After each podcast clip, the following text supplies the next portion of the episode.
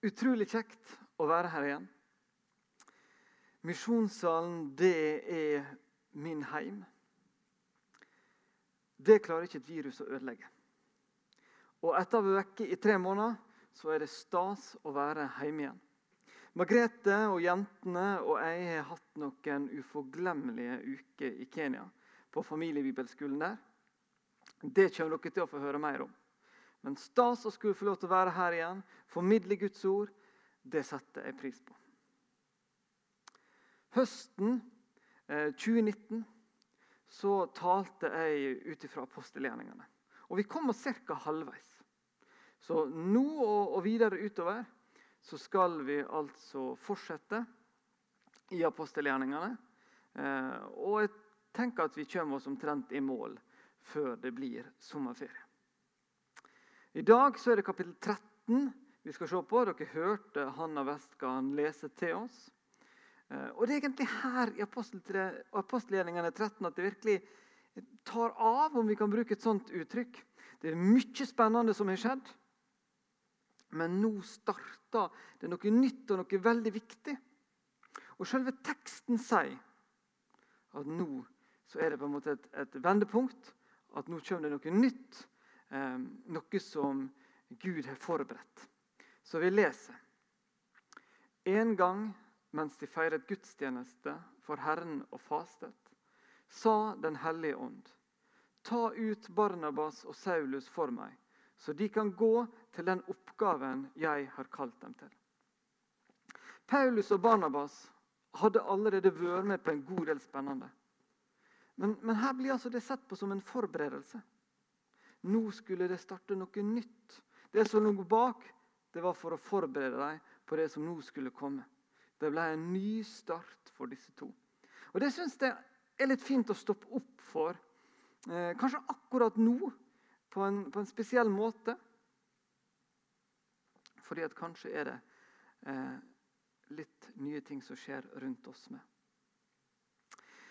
Hvis vi leser gjennom apostelgjerningene så kan vi få inntrykk av at det ikke går så lang tid fra eh, Paulus møter Jesus på vei til Damaskus, må rømme derifra, reise til Jerusalem, er tilbake i Antiokia og begynner på denne misjonsreisa. Men hvis vi sjekker litt i andre tekster, så ser vi det at det tok lengre tid. For vi kan jo bli litt sånn her satt ut. da, At Paulus var med og forfølgte de kristne, møte Jesus, og så kjapt er liksom klar til å reise rundt og fortelle mennesker om Jesus og hva han har gjort for dem.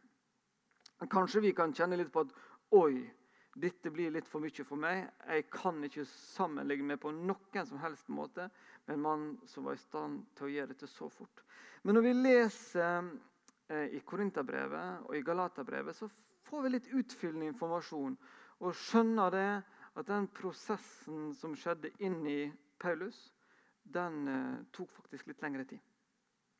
Så vi leser fra Galaterne 1,17. Der står det Jeg dro heller ikke opp til Jerusalem, til dem som var apostler før meg. I stedet reiste jeg til Arabia og vendte siden tilbake til Damaskus. Først tre år senere dro jeg opp til Jerusalem for å få vite mer av Kefas, og jeg ble hos ham i 14 dager. Kefas er et annet navn på Peter. Så det som i apostelgjerningene kunne se ut som noen uker, det tok altså tre år for Paulus. Når vi hører om Arabia, så er det nok mest sannsynlig det området som lå øst for Jordan. Det kunne være helt fra Damaskus i nord og ned mot Rødehavet. En plass der. Der bodde en god del jøder. Han var der. Det står at Den hellige ånd jobba med han. Så på flere måter så ble nok han i den tida forberedt på det som skulle komme. Og Så kommer vi her i apostelgjerningene 13 til det som er starten på Paulus' si første misjonsreise. Det var en spesiell opplevelse de hadde på denne gudstjenesten. det ble fortalt at nå skulle faktisk eh, Paulus og Barnabas begynne på noe helt nytt. Kanskje kan du tenke sånn om livet ditt at uh, du med kan være klar til noe nytt. Når Erna Solberg, statsministeren vår, uh, sa en gang midt i mars Gikk liksom på talerstolen og spurte er dere klar for en nasjonal dugnad. Så kanskje du kan tenke at denne dugnaden har du tenkt å trekke enda litt lengre enn hva Erna egentlig ba oss om. Kanskje skal vi bruke denne dugnaden og denne nye situasjonen til å tenke annerledes om oss sjøl. Kanskje kan vi være klar for en liten misjonsreise i vårt liv.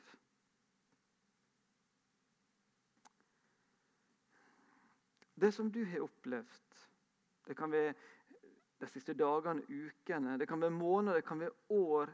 Det som liksom ligger bak deg. Kanskje kan du se på det som en forberedelse på det som nå skal komme. At du kan bruke den tida du har vært igjennom. Bare du vet jo hvordan den har vært. Men du kan bruke den på en slags Paulus sitt Arabia. Um, og så kan du tenke at nå kan jeg bruke dette um, inn i den tida som kommer.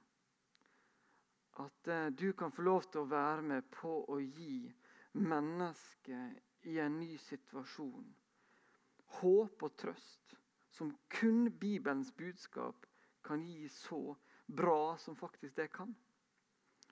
Eh, det tror jeg at du kan gjøre. Fordi at eh, den verden vi lever i, kommer ikke til å bli den samme.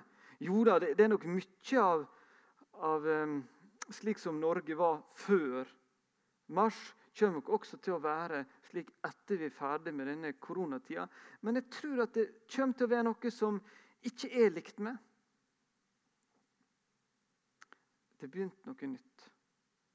Det begynte noe Ja, jeg tenker vi kan få lov til å si at eh, noe som kan også være litt spennende.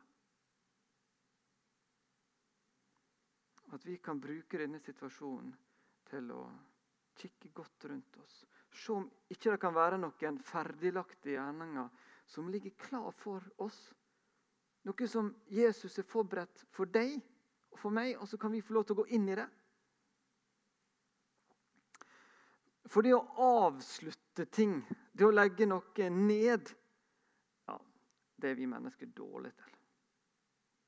Vi er ekstremt gode til å fortsette eh, i de hjulsporene vi er kommet oss ned i. Men nå er det liksom en del ting som er blitt gjort annerledes for oss. Og jeg tror at det gjør at det er lettere for oss å tenke annerledes. At vi kan bruke denne situasjonen eh, på en annen måte. Og Når vi spør Gud hvordan kan jeg bruke dette her, så, så trenger ikke vi å Det betyr ikke at vi mener at eh, det var en mening med denne virussituasjonen. At det var en mening med det vonde. Det, men vi kan spørre hvordan kan du, Gud, hjelpe meg til å få noe godt ut av, ut av det som er skjedd? Det kan vi spørre. Og Gud sier faktisk i sitt ord at han er god på å snu sorge til glede. Så jeg tenker at vi skal få lov til å tenke at denne situasjonen vår den er litt spennende også. Ehm, kirka har på en måte sprunget litt løpsk ut i samfunnet vårt nå. Og det skal vi få lov til å ha litt forventning til. Sammen med en eh, god venn her i Misjonssalen så driver jeg akkurat nå på å lese i Esters bok i Det gamle testamentet i Bibelen.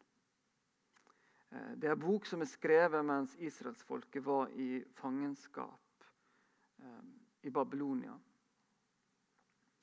Eh, det var ei vanskelig tid for jødene. Og det var inn kritisk situasjon så skjer det noe akkurat i den boka. Eh, Mordekai, han jøde. Eh, og så sier han til Ester, som også er jøde, og som har blitt eh, dronning på Slottet så, så sier han Og hvem vet om det ikke er for en tid som denne at du, at du har fått dronningrang? Jeg har hørt at det er en del mennesker som har brukt deler av dette bibelverset i det siste og sagt 'i en tid som denne'. Det er altså henta fra denne boka. Og Så sier Mordekai noe mer til Ester. Han sier til henne hvis du ikke bruker dine muligheter, så er jeg sikker på at Gud han kommer til å redde oss, israelsfolket, uansett. Men for deg, Ester, så kommer det til å være et tap om du ikke bruker de mulighetene du har. Jeg ber hver morgen om at Gud må vise meg hva han vil at jeg skal gjøre i dag. At jeg må få se disse ferdiglagte gjerningene som er der. For jeg, jeg vet at de er der. Noen dager som jeg innrømmer at jeg sliter skikkelig med å finne dem. Kanskje jeg ikke finner dem. Noen dager så aner jeg hva jeg skal inn i. Noen dager er det tydelig. Kanskje du skal spørre nå Gud. Folde dine hender og så si Vis meg hva du vil nå at jeg skal gå inn i. Hva det er du vil at jeg nå skal bruke den ekstra tida jeg har til. De situasjonene Hvordan kan jeg bruke den tida som er noe litt annerledes? Paulus og Barnabas de reiste fra Antiokia til Kypros, videre til Perge og Så kom de til Antiokia i Pisidia, altså en annen Antiokia enn denne her gudstjenesten skjedde. Nå har vi kommet opp i Tyrkia, reist fra Syria via Kypros opp i Tyrkia. Ehm, det var flere spennende ting som skjedde, f.eks. på Kypros. Les gjerne mer om det. Men når jeg kommer til Antiokia i Pisidia, så holder Paulus en tale der. Den talen kan du lese fra kapittel, nei, fra vers 13 og utover. Og Det er noen ting der jeg vil at vi skal fokusere litt på. Blant annet så kommer Paulus inn på forskjellen på David og Jesus. David var kjent for sin storhetstid. Jødene var stolt over David. Um, han var en konge de virkelig Ja, det, det, var viktig for dem, det han gjorde, og historien deres rundt David. Men også David han måtte dø, og hans kropp den måtte råtne i jorda, sånn som han må for alle oss mennesker. Men så står det at der er et viktig eh, forskjell på Jesus. For Jesus han måtte også smake døden. Men Guds kraft reiste han opp på den tredje dagen. Det som vi nettopp har fått feira i påska. Jesus sin kropp den opplevde aldri forråtnelse. Og på grunn av dette, på grunn av det som vi har fått lov til å feire i påska, på første påskedag, så kunne Paulus stå i Antiokia og fortelle dem et evangelium om nåde. Om tilgivelse. At vi mennesker har mulighet til å komme med vår synd, med vår skam, med vår ufullkommenhet. Og at dette faktisk nå har en endestasjon. Jesus ønsker å ta dette bort fra oss. Det er et enormt frigjørende budskap. Pga. det Jesus gjorde for oss, så skal vi få lov til å snakke om tilgivelse. Og for mange av de som bor rundt oss her på Sunnmøre, i regionen vår, i landet vårt, så vet de like godt som meg, like godt som deg, at vi klarer ikke å fikse helt dette livet. Vi får ikke til slik som vi ønsker. Vi vet gjerne hva vi vil, men realiteten blir ofte annerledes. Vi mislykkes. Jeg hørte en podkast eh, for noen uker siden. Et intervju med en eh, kjent eh, nordmann omtrent på min egen alder. Og Så forteller han om at livet hans også består av en del skuffelser, nederlag, ting han ikke får til. Og at han nærmest putter dette her opp i eh, sekken sin. Som en bagasje. Så sier han at han bruker det til å lære av og til å gjøre ting bedre. Og Det tenker jeg er fint. Det skal vi alle få lov til. Men jeg merker på måten han snakker, at dette her er som han har fått opp i sekken sin, det tynger han. Det gir noe med han, det preger han på en negativ måte. Og slik tror jeg at det er for mange av oss i våre liv. Det er opplevelser, hendelser, som vi drar med oss, som vi ikke har fått oppleve å, å bli tilgitt for, eller ikke fått tilgi. Og vi trenger så sårt et budskap om nåde, om tilgivelse inn i våre liv. Det å få lov til å kunne ta alt dette vonde, de opplevelsene, den ballasten vi har bak i denne sekken vår, om vi bruker det bildet, og så bare plassere det vekk og på Jesus. Det er ufattelig godt. Jeg har noen ganger fortalt dere her i misjonssalen om at eh, det var særlig én side av tilgivelse som gikk ganske lenge før det gikk skikkelig opp for meg. Tidlig forstått Bibelen sitt budskap om å tilgi min neste. Be om tilgivelse. Men det å tilgi seg sjøl, det syns jeg Det syns jeg er vanskelig. Jeg syns ikke det er lett nå heller, men jeg har forstått mer av hvordan jeg kan komme til Jesus med det også. Fordi at jeg jeg har et så sterkt ønske om å være en god pastor her i Misjonssalen. Det, har vært veldig viktig for meg. Mens jeg opplevde at jeg mislykkes av og til. Og det er ganske vondt. Det kan gå på hele sjølbildet mitt. Mislykkes i det jeg vil så gjerne få til. Og som, som far opplever at jeg ikke får til å være den faren jeg ønsker overfor døtrene mine. Så går det ja, det, det kan sitte, sette seg ganske fast inni her hos meg. Og overfor kona mi. At jeg ikke får til å være den ekte mannen. Men så har jeg fått stått at også dette skal jeg få lov til å komme til Gud med, snakke med Han om. Og så oppleve at jeg kan legge det over på Han. At jeg kan få lov til å være pastor, far, ektemann lære av de feilene jeg har gjort, men uten at det skal hemme meg. Uten at det skal dempe ønsker om å være god på disse områdene framover. Kristendommen har et fantastisk frigjørende budskap å komme med til sånne som meg, til deg og til de som lever rundt oss her vi bor. La oss komme og dele det budskapet som holder oss nede, og som binder oss, slik at vi kan få lov til å bli mer fri.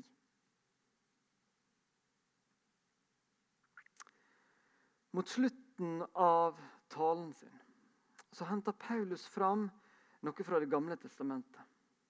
Et sitat fra Jesaja 49. Der står det Jeg har satt deg til et lys for folkeslag, for at du skal bringe frelse helt til jordens ende. Etter å ha tilbringt en del uker bare litt sør for ekvator, så føltes det litt som å reise til verdens ende skulle opp igjen til Norge, langt i nord. Men også her oppe så trenger vi dette lyset. Vi trenger et lys som gir håp. Vi trenger å oppleve at våre liv kan bli litt som årstida vi nå er inne i. At det kan bli en vår i våre liv. At vi virkelig kan våkne til liv igjen. Det er en slik oppvåkning Guds nåde kan gi inn i våre liv. For det fins ikke noe som kan gi lys og håp på en slik måte. Jeg husker også godt første juledag. Det var faktisk forrige gang jeg talte her i misjonssalen. Teksten fra Johannes 1, der det står det sanne lys som lyser for hvert menneske, kom nå til verden. Når vi kan få slippe til nåden og tilgivelsen inn i våre liv, inn i våre relasjoner, så kan det virkelig få skje store ting. Sannhetens lys vil sette oss fri. Og vi kan få være med og se at mennesker rundt oss blir satt fri. Eh, det er en del barnesanger eh, der det blir sunget om at det skjer noe inni oss. At det bobler, at det bruser. Og Noen ganger har jeg fått kjent på denne følelsen. Og det har vært når jeg har fått sett hva Guds nåde kan gjøre inn i mitt liv. Da opplever jeg at det bobler og bruser litt her inne. Når jeg virkelig opplever å bli satt fri. Når jeg kan få være ærlig med meg sjøl, ærlig med de rundt meg. Legge fram for både Gud og kanskje mennesker rundt meg det som har gått skeis, det som har gått gale. Oppleve å bli tilgitt både av medmennesker og av Gud. Da blir jeg satt fri.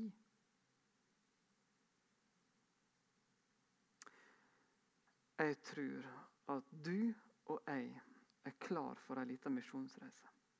Og Den første misjonsreisa, den som står om her i apostelgjerningene 13 og i 14, den var ikke så lang. I sammenligning med de andre misjonsreisene som Paulus hadde, så var det en ganske kort misjonsreise. Så den trenger ikke å være så lang hvis dette er de første. Kanskje skal det bare være innad i familien.